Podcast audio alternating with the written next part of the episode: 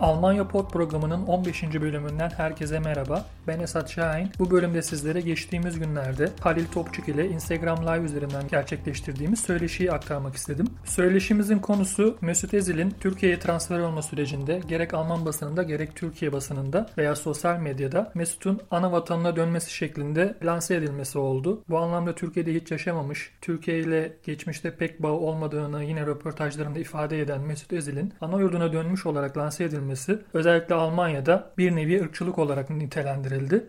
Biz de bu noktada Halil ile birlikte Almanya'daki çok kültürlülük, göçmen kökenli insanların yaşadığı sorunlar, onlara dair Almanya hükümetinin politikaları ve daha çok Türkiye'nin Avrupa'da yaşayan Türkiye kökenlilerle ilgili kimlik politikalarına değindik. Yaklaşık 30 dakika süren bu söyleşiyle şimdi sizleri baş başa bırakıyorum. Şimdiden dinleyen herkese çok teşekkür ederim. Haftaya 16. bölümde görüşmek dileğiyle. Hoşçakalın. Hoş geldin. İyi akşamlar. Hoş bulduk. İyi akşamlar Halil. Nasılsın? İyisin Esat? Sağ ol, iyiyim. Önce kendini tanıtmak ister misin bize? Ben biraz giriş yaptım biraz önce. Konumuzdan bahsettim. İşte Mesut Özil'in dedik Türkiye'ye ana yurduna tırnak içinde dönüşü üzerinde konuşacağız. Tamam. Dedik önce seni tanımak isteriz. Tanımayanlar için kendini biraz tanıtırsan. Kısaca 2012 yılından beri Almanya'da yaşıyorum. Yaklaşık 10 yıl olacak neredeyse. Türkiye'de lisans eğitimini tamamladıktan sonra Almanya'ya geldim. Daha doğrusu Polonya üzerinden Almanya'ya geldim. Son lisansın son bir yılını Polonya'da geçirdim. Oradan direkt Almanya'ya geldim. Burada yaklaşık bir buçuk iki yıl dil öğrendim. Almanca öğrendim. Sıfırdan bir Almanca süreci oldu. Sonra da siyaset biliminde master'a başladım işte Goethe Üniversitesi'nde Frankfurt'ta. O da bir dört yıl sürdü. Master'ı tamamlamak biraz uzun sürdü. Master'dan hemen sonra da zaten çalışmaya başladım. Yani hatta bitmeden çalışmaya başladım. Almanya Aile Bakanlığı'nın, Almanya İçişleri Bakanlığı'nın finanse ettiği projelerde çalıştım. Hala da çalışıyorum. Neredeyse 5 yıl olacak. Proje müdürlüğü yapıyorum çeşitli projelerde. Göçmenlerle ilgili, işte göçmen gençleriyle ilgili projelerde çalışıyorum, çalışmaya devam ediyorum. Onun dışında da doktora yapıyorum son bir, bir buçuk yıldır. Konum da orada Oyra İslam tartışmaları üzerine. Oyra İslam ve Avrupa'daki Türk nüfusu ve yani Türk nüfusunun İslam anlayışı, Türk İslam anlayışı denebilir ve onun Oyra İslam'la ilişkisi üzerine. Keşke bu konuyu konuşsaymışız o zaman diyecektim. Konuşuruz, onu da konuşuruz daha sonra. Şimdi biraz popüler bir konu veya sıcak bir konuyu değerlendirelim. O zaman kısaca ben de iki kelimeyle kendime ait bir şeyler söyleyeyim. Halil Topçuk ben de. Ben de 2001'den beri Almanya'da yaşıyorum aslında. Burada doğup büyümedim. 11-12 ee, yaşına geldim ben de çocuk yaşta. Sonra işte burada liseydi. Ee, üniversite hukuk eğitimine başladım. Bochum Münster'de hukuk okudum. Sonra askeriyeye geçtim. Askeriyedeyim şu anda subayım.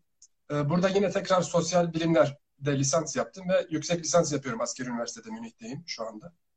Parantez içinde Mesut Özil'in ana yurduna dönüşü dedik. Ana yurdunu ne için parant tırnak işaretleri için aldık? Direkt oradan girelim diyorsun. Bence. İstersen, istersen sen bir girizgah ya.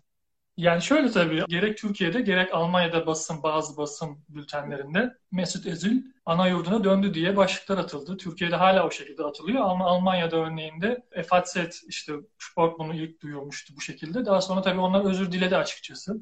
Yani evet, bu duyudan geri adım attılar. Fakat tartışmalarda Almanya'da bitmedi. Yani bu ifadeyi kullanabiliyor olması Efaset gibi büyük bir gazetenin Mesut Türkiye geri döndü demesi müthiş ilginç tabii ki. Evet. Ee, yani Almanya, pardon Türkiye'de hiçbir zaman yaşamamış. Hatta kendi röportajlarında söylüyor Türkiye'ye 2-3 defa gitmiştim diyor. Geçmiş dönemde hani şu an çok sık gidiyordur muhtemelen de. Evet. Geçmiş dönemde sadece 2-3 defa gitmiş. Türkiye ile hiçbir bağı olmadığını da yine röportajlarında geçmişte söylemiş biri.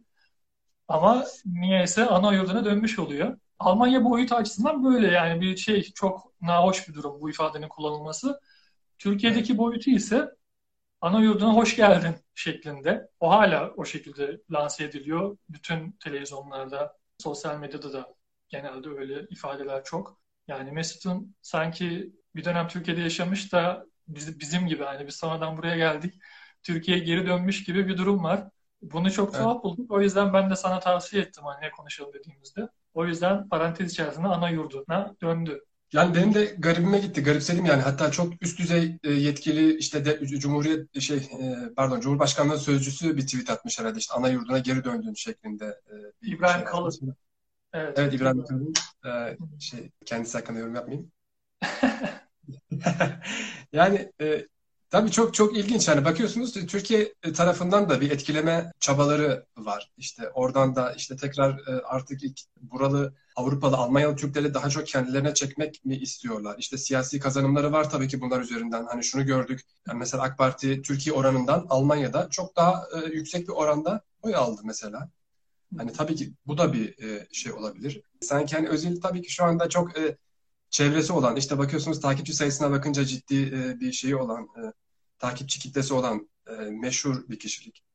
Bunun üzerinden demek ki hani siyasi bir kazanım, e, bir çıkarım yapma gibi amaçlar da haliyle var herhalde. Yani şöyle e, Mesut Özil ve Türkiye'deki mevcut iktidar, hükümet e, hani ne zamandır böyle yakınlaştı, tam ne zaman başladı, gerçekten stratejik hedefleri var mı bu ikilinin? Yani bunu kovalıyorlar mı? O biraz tabii şey, e, işin ne denir? Spekülasyon. Aynen spekülasyon olur çok fazla. Biz hani önümüzde ne, neler var belki onu konuşabiliriz. Görünen o ki Türkiye çok uzun zamandır zaten dış politikada kimlikçi bir politika Avrupa'daki Türkler üzerinden uyguluyor zaten. Burada yaşayan, Almanya'da yaşayan özellikle Türklere, kısmen Fransa, Hollanda, Avusturya örnekleri de var. Ama en büyük, en yoğun nüfus ve örgütlü Türk nüfus burada Almanya'da olduğu için izleri burada daha net görülüyor. Yani net bir şekilde Avrupa'da yaşayan Türkiye kökenli insanlara siz Türksünüz ve kimliğinizi unutmamalısınız. Ee, yani burada Alman vatandaşı da olsanız sizin aslında Türksünüz diye ve bunu unutmamalısınız diye e, bir kimlik politikası uygulanıyor. Ne zamandır? 2002'de iktidara geldikten sonra AKP bunu 2007-2008'den itibaren aslında uygulamaya başladılar. Avrupa Avrupa'daki Türklere özel e, birimler kuruldu Türkiye'de. Şimdi tabii o daha da artık devlet kurumu haline geldi geçmişe göre. Konsolosluklar burada çok daha çeşitlendirildi, büyütüldü, fazlalaştırıldı vesaire. Bunun yanında Yunus Emre Enstitüsü gibi kurumlar kuruldu. DİTİP işte farklı misyonlar üstlendi. Yani güncel tartışmalar zaten biliyorsun. Mesut konusunda da şimdi baktığımızda baya çok ilginç bir hayat hikayesi, ilginç bir figür. Ama bir figür açıkçası en başından beri. Hani sembol, sembolik bir figür olarak görüyorum ben açıkçası. Gerek Almanya milli takımında başlama süreci, hani işte Türkiye yerine Almanya'yı seçme süreci, orada çok konuşuldu. Yani Mesut aslında ilk Alman milli takımında oynayan göçmen kökenli futbolcu değildi. Yani evet. 2016'da da Alman milli takımının 5 tane futbolcusu göçmen kökenliydi. Siyahi oyuncular vardı, Polonyalı oyuncular vardı, Klose, Podolski vesaire. Mesut niye bu kadar büyük olay oldu? Yani Mesut'un bu kadar özel yapan neydi? Başarısı neydi? Buradan başlamak lazım aslında Mesut vakasını anlayabilmek için bence. Ya tabii en büyük nokta o dönem itibariyle 98'den itibaren SPD hükümetleri var 2005'e kadar biliyorsun. Bu dönemde bu dönemle başlayan Almanya'da bir değişim süreci var zaten. Daha fazla multikulti tartışmalarının olduğu, çoğulcu toplumun tartışmalarının olduğu, bir nebze refah toplumu da olduğu için bunlar daha rahat tartışılıyor tabii. Bu böyle başlayan bir süreçti. Göçmen kökenli futbolcular Alman milli takımına gelmeye başlamıştı vesaire. Ama en büyük göçmen nüfusa sahip Türkler pek milli takımda yoktu. Yani alt liglerde inanılmaz sayıda Türk futbolcu olmasına rağmen, Türkiye kökenli futbolcu evet. olmasına rağmen üst liglerde başarılı büyük takımlarda hem Türk futbolcular azdı hem de milli takımda yoktu. E, Mesut Özil'de böyle bir çağ atlatıldı. Hani ilk futbolcu değil yine, Türk Türk de değil aslında ilk futbolcu. Ama Türk milli takımına karşı Alman milli takımını seçmiş olması onu inanılmaz popüler hale getirdi. Normalde baktığında Mesut Özil entegrasyonu başarısı olarak sunuldu biliyorsun. Doğru. Entegrasyon ödülleri aldı çok sayıda. Yani evet. bunu hak edecek ne yaptı diye sorarsan normalde bir Almanya entegre olmuş veya Alman toplumunda çok aktif olan bir insan için Mesut rol model olabilecek bir insan asla değil baktığında. İşin komik tarafı da o zaten değil mi? Hani ne Almancasıyla ne Türkçesiyle ne Türkçesiyle ne bileyim hani buradaki aktif başarısıyla değil tamam Allah vergisi diyelim. Bir futbol Tabii. yeteneği var ve çok yetenekli. Orası da ayrı bir konu. Ama Kesinlikle. o dönem itibariyle entegrasyon ödülleri alacak kadar bir başarı sağlaması mümkün değil. Bu dediğim noktayla ilgili işte Almanya'nın yaşadığı değişim süreciyle ilgili, multikulti politikalarıyla ilgili, çok kültürlülüğün artık topluma biraz daha entegre edilmesiyle ilgili bir süreçti. Yani Angela Merkel'in o kadar futbolcu arasında soyunma odasına gidip Mesut Özil'le fotoğraf vermesinin bir politik bir amacı vardı tabii ki o dönem itibariyle. Fakat Mesut aslında hiçbir zaman Alman toplumu açısından da çok benimsenmedi aslında. Yani hep yılın futbolcusu seçildi Almanya'da. En az 5 defa yılın futbolcusu seçilmiş. Fakat ne Alman toplumuyla böyle çok sıcak bir bağı vardı ne de Alman medyasıyla. Hiçbir zaman olmadı açıkçası sıcak bir bağı olmadı. Alman futbol takımı da başarılı olduğu için konu pek gündeme gelmiyordu. Ama Mesut'un işte Alman milli marşını okumaması, işte Alman basınıyla pek fazla böyle diyaloğa girmemesi, politik konularda açıklama yapacak zaten hani birikim yok da o konuda da zaten konuşmaması vesaire. Tabii. Hep bir gerginlik vardı zaten açıkçası. Gerek toplumla gerek medyayla. E tabii 2015 yılından sonra da Almanya yine değişik bir farklı bir sürece girdi. Göçmen konuları, mülteci konuları inanılmaz yoğun tartışılmaya başladı. Sadece Hı. Almanya'da değil Avrupa'da hatta Amerika'da. Kimlik politikalarda da bir artış var tabii. Tabii işte onunla ilgili yani sağ politikalarına, sağ trendin artmış olması, gündem olması, diğer partilerin bu gündem gündemin dışında kalmamaya çalışması ana partilerinde. E, Mesut Özil bir anda bir de Alman milli takımının da başarısız olması üstüne eklenince sağcı kesim için Mesut güzel bir hedef haline gelebildi. E, günah Mesut, keçisi e, gibi. Aynen. Kendi ifadesiyle günah keçisi oldu. Hani Mesut'u seversin sevmezsin ama adama haksızlık yapıldığı da kesin o dönem itibariyle Tabii. bence.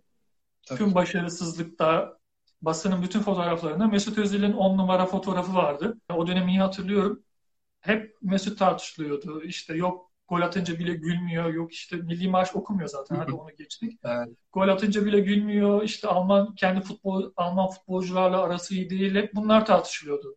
Yani aslında şöyle bir şey de var tabii ki. Bunu da yatsımamak lazım. Bütün Alman medyası da böyle oturup Mesut Özil'i tabii ki karalamıyordu aslında. Ya burada bazı öncü gazeteler var. Bild gazetesi gibi işte Bild Sport evet. falan vesaire. Ya bu adamların zaten yaptıkları Aynen. Haber çizgileri, dünya görüşleri artık politik görüşleri buydu zaten. Bunlar hep multikulti anlayışa veya çok kültürlüyle zaten ters bakan gruplardı. Hı. Ve alanı da açık buldukları için Mesut Ezil de gayet uygun bir figür bu entegrasyon başarısızlığı konusunu vurgulayabilmek için. Evet. Oradan yürüdüler ve konuda bayağı bir büyüdü yani. Bir iki soru geldi. Yukarıda ve yorum geldi. Bundan önce bir arkadaş da aynı konuda bir yorum yapmıştı. Bu aşının bulunmasıyla Almanya'da Uğur Şahin ve Özlem Türeci'nin yükseltilmesi ile Türkiye'de Mesut Özil'in yükseltilmesi birbirine paralel iki durum mu? Yani iki durum bir, böyle bir durum teşkil ediyor mu senin için? Yani yukarıda da e, bu şekilde hani bu iki kişinin e, bu mucitlerin pohpohlanmasıyla alakalı Türkiye'de de yüceltilmesi, orada da yine bunların benimsenmeleri sanki e, bu bir Türkiye'nin bir başarısıymış gibi gösterilmesi bunlar paralel bir şey, bir şey mi e, şey, teşkil ediyor sence? Ya şöyle Mesut Özil konusu da aslında böyle. Bu konuları Mesut özellikle Mesut Özil'i sembolleştiren kesimler kimler? Gerek Türkiye'de gerek Almanya'da sağcı kesimler, milliyetçi kesimler. Her biri birbirlerine güya düşmanlık üzerinden aslında birbirlerini besleyen kesim. O Mesut Özil'e vuruyor. Öbür taraftan o Mesut Özil'e vurduğu için onu savunmak için ayrı milliyetçilik yapıyor. Bu şekilde bir karşılıklı birbirini besleyen milliyetçi kesim var iki tarafta da. Işığı bulan Özlem Hanım ve diğer neydi? Uğur. Uğur, Uğur Bey. Uğur Şahin ve Özlem Hanım. Yani o konunun Türkiye ile zaten alakası nasıl olabiliyor hiç anlayabilmiş değilim zaten. Hani Türkiye evet. ne en ufak bir şekilde nasıl kendine pay biçebiliyor? Yani oldukça komik aslında. Ee, ama Almanya'daki boyutu bence daha ilginç. İşte Spiegel'in 70'teki sayısıyla bugünkü sayısı hani çok karşılaştırılarak sunuldu biliyorsun. Hı hı. Belki kapak resimler özellikle değil mi? Evet işte hani 70'lerde Almanya'nın en büyük sorunu olarak sunulan göçmenler 2020 yılına gelindiğinde işte Almanya'yı kurtaran veya işte dünyayı hatta kurtaran bir iş yapmış oluyorlar. Ama tabii buradaki gidişat da pek mantıklı değil yani. Doğru bir tavır değil bence. Uğur Şahin ve Özlem Özlem Hanım başarılı, iyi bir e, göçmen olmak için inanılmaz büyük bir başarı elde etmek gerekiyor gibi bir algı oldu. Bu da sadece baş, sadece başarılıysan bu toplumda yerin var veya bu toplumda kabul edilirsin gibi bir algı oldu. O da tabii çok yanlış. Bunu maalesef bizim göçmen kökenli arkadaşlarımız veya insanlar da vurgulayabiliyorlar. Tabii. İşte gördünüz mü bizden de böyle başarılı insanlar çıkıyor diyerek sanki çoğunluk toplumuna mesaj vermeye çalışıyorlar. Tabii çok yanlış yani ezikliğimizi bir şekilde tatmin etmeye çalışıyoruz bunlar üzerinden maalesef yani. E, maalesef yani azınlık toplumu olmanın belli başlı sıkıntıları var. Bunun da en net örneği Almanya'daki Türk toplumunda görülüyor maalesef. Maalesef. Maalesef. Yine bir soru gelmiş. Özil'in Türkiye'deki muktedirlere rağmen Uygurlara dair paylaşımlarda bulunmasını hatta eski kulübü Arsenal ile ters düşmesini nasıl yorumluyorsunuz? Müthiş bir adım aslında. Şöyle bir durum var. Türkiye'deki hükümet evet ses çıkartamıyor Uygurlarla ilgili gelişmelerden. Ama en azından dünya görüşü olarak içten içe ses çıkarmak istiyorlardır. Bunu az çok biliyoruz. O insanları tanıyoruz yani. Ben kendi sosyal çevremden çok iyi tanıyorum. Tabii. E, Mesut Özil bunu yapabilmiş biri. Bu anlamda takdir etmemek mümkün değil Mesut'u. Arka planında neler olursa olsun yaptığı iş müthiş bir iş. Arsenal'de kadro dışı kalmayı göze alabilecek kadar, sponsorlardan mahrum kalabilmeye göze alabilecek kadar ben önemli bir adım ki hani açıkça dile getirilmese de Arsenal'de niye bu kadar kadro dışı kaldığı, ne olduğu sırf sportif başarısızlığıyla ilgili olduğunu sanmıyorum. Yani yine spekülasyon belki ama Çin'in Çin'in ağırlığının olduğu söyleniyor Arsenal'de e, kadro dışı kalmasının vesaire. Mesut Ezil ve Türkiye'deki işte hükümet, Türkiye'deki iktidar grubuyla nasıl bir bağ var, organik bağ var? Bu çok spekülasyon. O yüzden hani sırf onlar işte Mesut Ezil Erdoğan'la görüşüp ne yapacağını karar verdiğini falan ben açıkçası sanmıyorum o kadar. Birçok yani, faktör var. Bilmediğimiz faktörler de. Tabii yani Mesut'un çevresi var. Onun çevresi belki o çevreyle yakın ilişkilidir. Bir danışmanlar var Mesut'un çevresinde. O da belli bir görülüyor. Yetkileri olduğu doğrudur. Türkiye gelme sürecine Erdoğan'ın etkisi olduğu bile söyleniyor. Yani bana çok abartılı geliyor bunlar.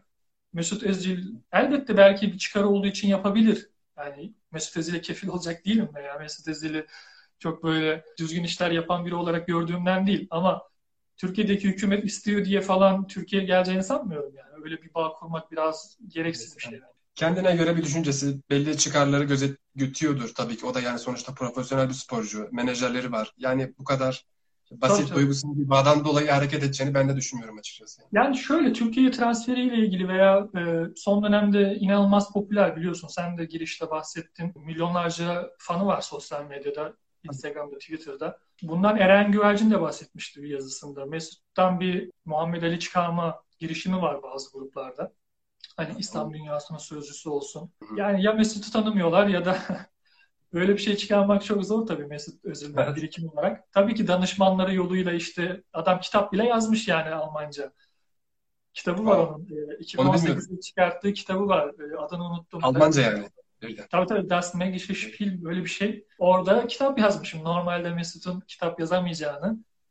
Az çok böyle bilimsel işlerle uğraşan birileri olarak kitap yazmanın nasıl zor bir şey olduğunu biliyoruz.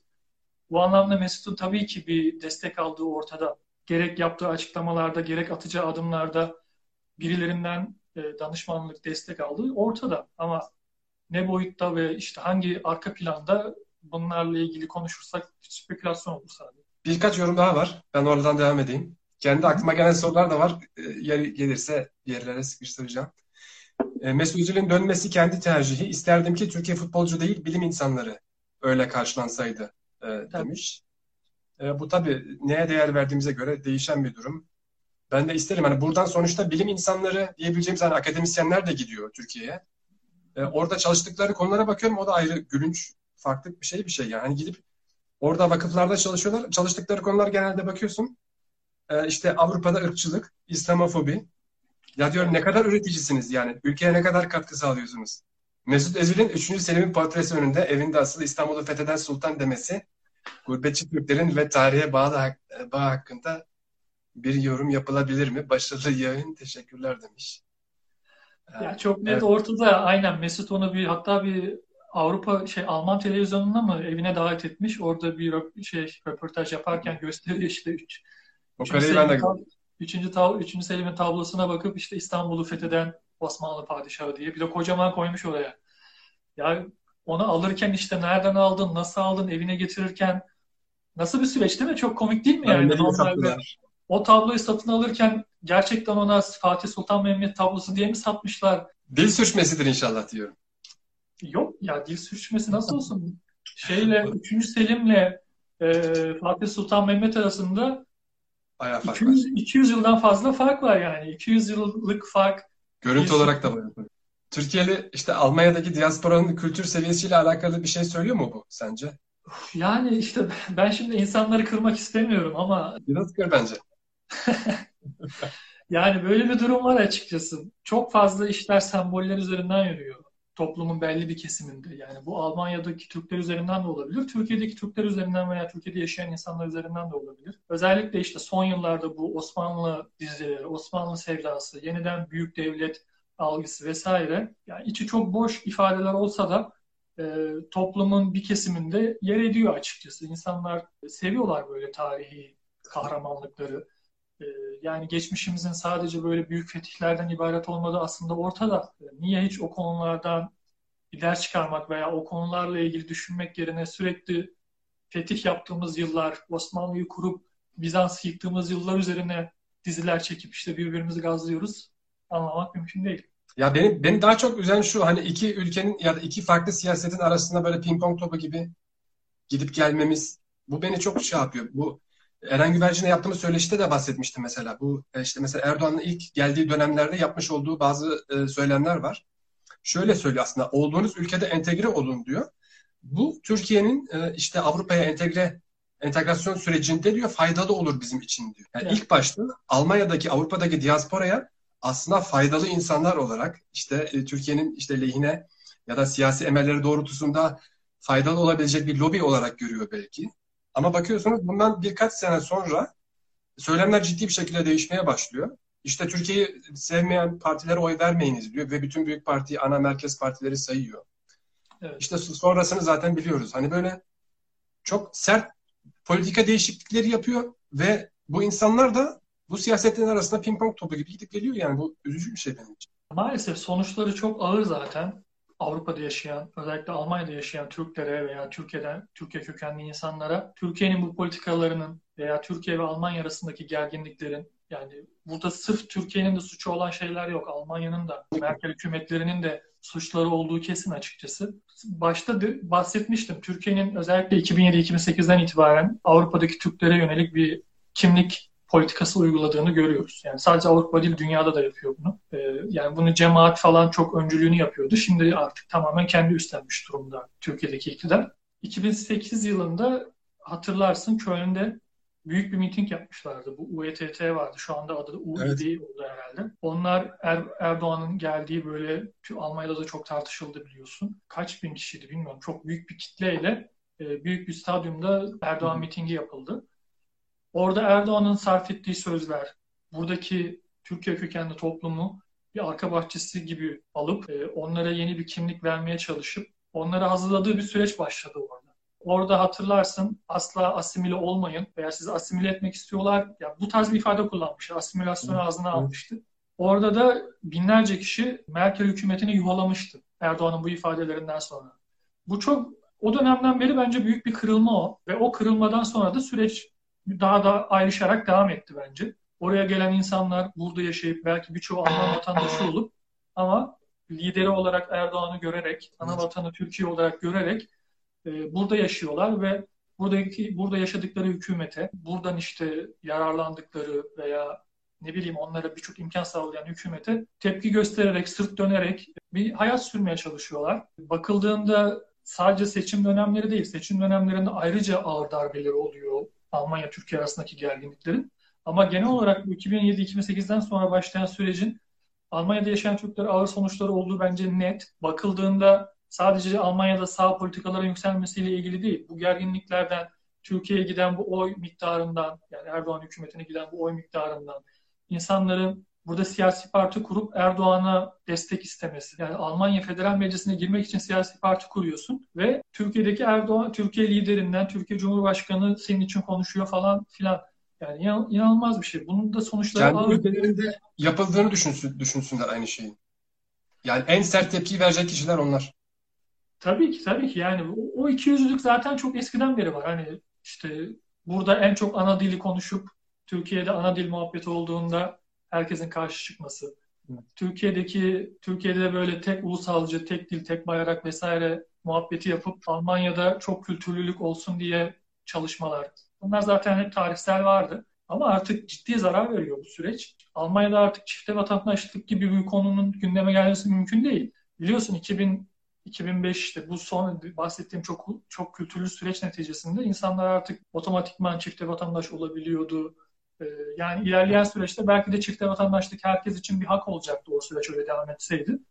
Ama artık Yani neredeyse ellerinden gelse çifte vatandaşlığını alacaklar insanların veya e, yasaklayacaklar. İnsanları belki Alman vatandaşlığından atacaklar yani. Neredeyse Özellikle Türklerle alakalı farklı bir baskı var herhalde bu yönde.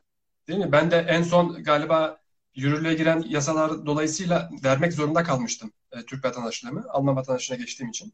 Hangi yıl? E, zaten hani e, orduya da girdiğim için aslında bunu çok sıkıntılı görmedim yani aslında benim için bir karar olmuş oldu kendi açımdan bakarsak. Ama şöyle bir şey de duymuştum mesela e, bir komutanımız bu şekilde bir şey söylemişti de işte Afganistan'a giden Türk kökenli bir iki askerle birlikte İstanbul üzerinden geçerken e, jandarma tutmuş iki kişiyi birden. Yani Afganistan'a gidecek olan kişi. Bunlar çift, çifte vatandaşlar.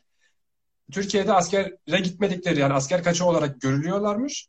Şu anda asker oldukları bildirilmemiş herhalde. Ve bundan dolayı mesela ciddi problemler yaşamışlar. Hani günlük hayatta da böyle teknik problemler çıkarabiliyor bu şey. E diğer taraftan işte çifte vatandaşlığın entegrasyona e, katkıları da tartışılabilir. Bu Francis Fukuyama var. Sosyal işte bu e, kişilik kimlik politikalarıyla alakalı e, düşünen araştırmacılardan birisi. Tarih Onun da işte Avrupa'da e, tek vatandaşlığı savunuyor mesela kendisi e, aynı şekilde entegrasyon için. Hı. E, ya, bu da tabii ki tartışmalı bir konu. Tabii tabii. Yani ya o konularda tabii farklı görüşler olabilir. Çift vatandaşlık gerçekten gerekli bir şey mi? Ülkenin birliği olması adına, bir geleceği olmasına adına yararlı bir şey mi, zararlı bir şey mi? Bunları değerlendirilebilir, farklı görüşler olabilir. Yani ben olması gerektiğini düşünüyorum tabii ki. Çifte vatandaşlık zarar verecek bir şey değildir bana göre. Yani bu ülkenin geleceğinde söz sahibi olurken başka bir ülkeyi de yine ailen olarak görebilirsin veya vatanın olarak görebilirsin. Bunu Almanya Cumhurbaşkanı Steinmeier zaten açıklamıştı. Hatta bu Mesut Özil İlkay'ı davet ettiği görüşmede açıklamıştı. Bir evet. insanın iki tane vatanı olabilir, birini seçmek zorunda bırakmak doğru değil diye kendisi söylemişti. Bu da zaten böyle vatandaşlığı falan abartmamak gerekiyor zaten. Bu artık bu ulus devlet kafalarından kalma, yüzyıl önceki biraz düşünceler bunlar. Sırf bir ulusa kendini adamak, o ulus için işte böyle asker olmak, ne bileyim her şeyi yapmak mantığında olmak gerekmiyor zaten artık. Dünya böyle bir, şey, bir yer değil artık bence. Gerçi evet. kötüye gidiyor onu da kabul ediyorum ama doğru, en azından doğru. uzun bir zamandır öyle değil bence. Yani sadece bazı durumlarda realist bir tutum sergilemek gerekebiliyor. Yani ben kendi açımdan yine söyleyecek olursam bir asker olarak e, benim tavrımın ve tutumumun net olması gerekiyor. Yani yaptığım seçimin arkasında durabilmeliyim. Yani o yüzden ama tabii diğer konularda dediğin gibi kesinlikle öyle o kafaya e, sahip olmak normal e, özel kendi şahsi hayatımızda e, saçma geliyor insana tabii. Evet öyle. Başka bir soru var mı? Mavi kart yorumu gelmiş. Türk vatandaşlığından çıkınca mavi kart veriyorlar. Onu biliyorum. Evet. Seçme hakları dışında bütün hakları böylelikle kalıcı oluyor diyor. Doğru. O kartı edinmeliyim ben. Yani ben de o süreçteyim işte aslında. Öyle mi? Alman vatandaşı olsam mı olmasam mı? Seni aramızda görmekten duyarız.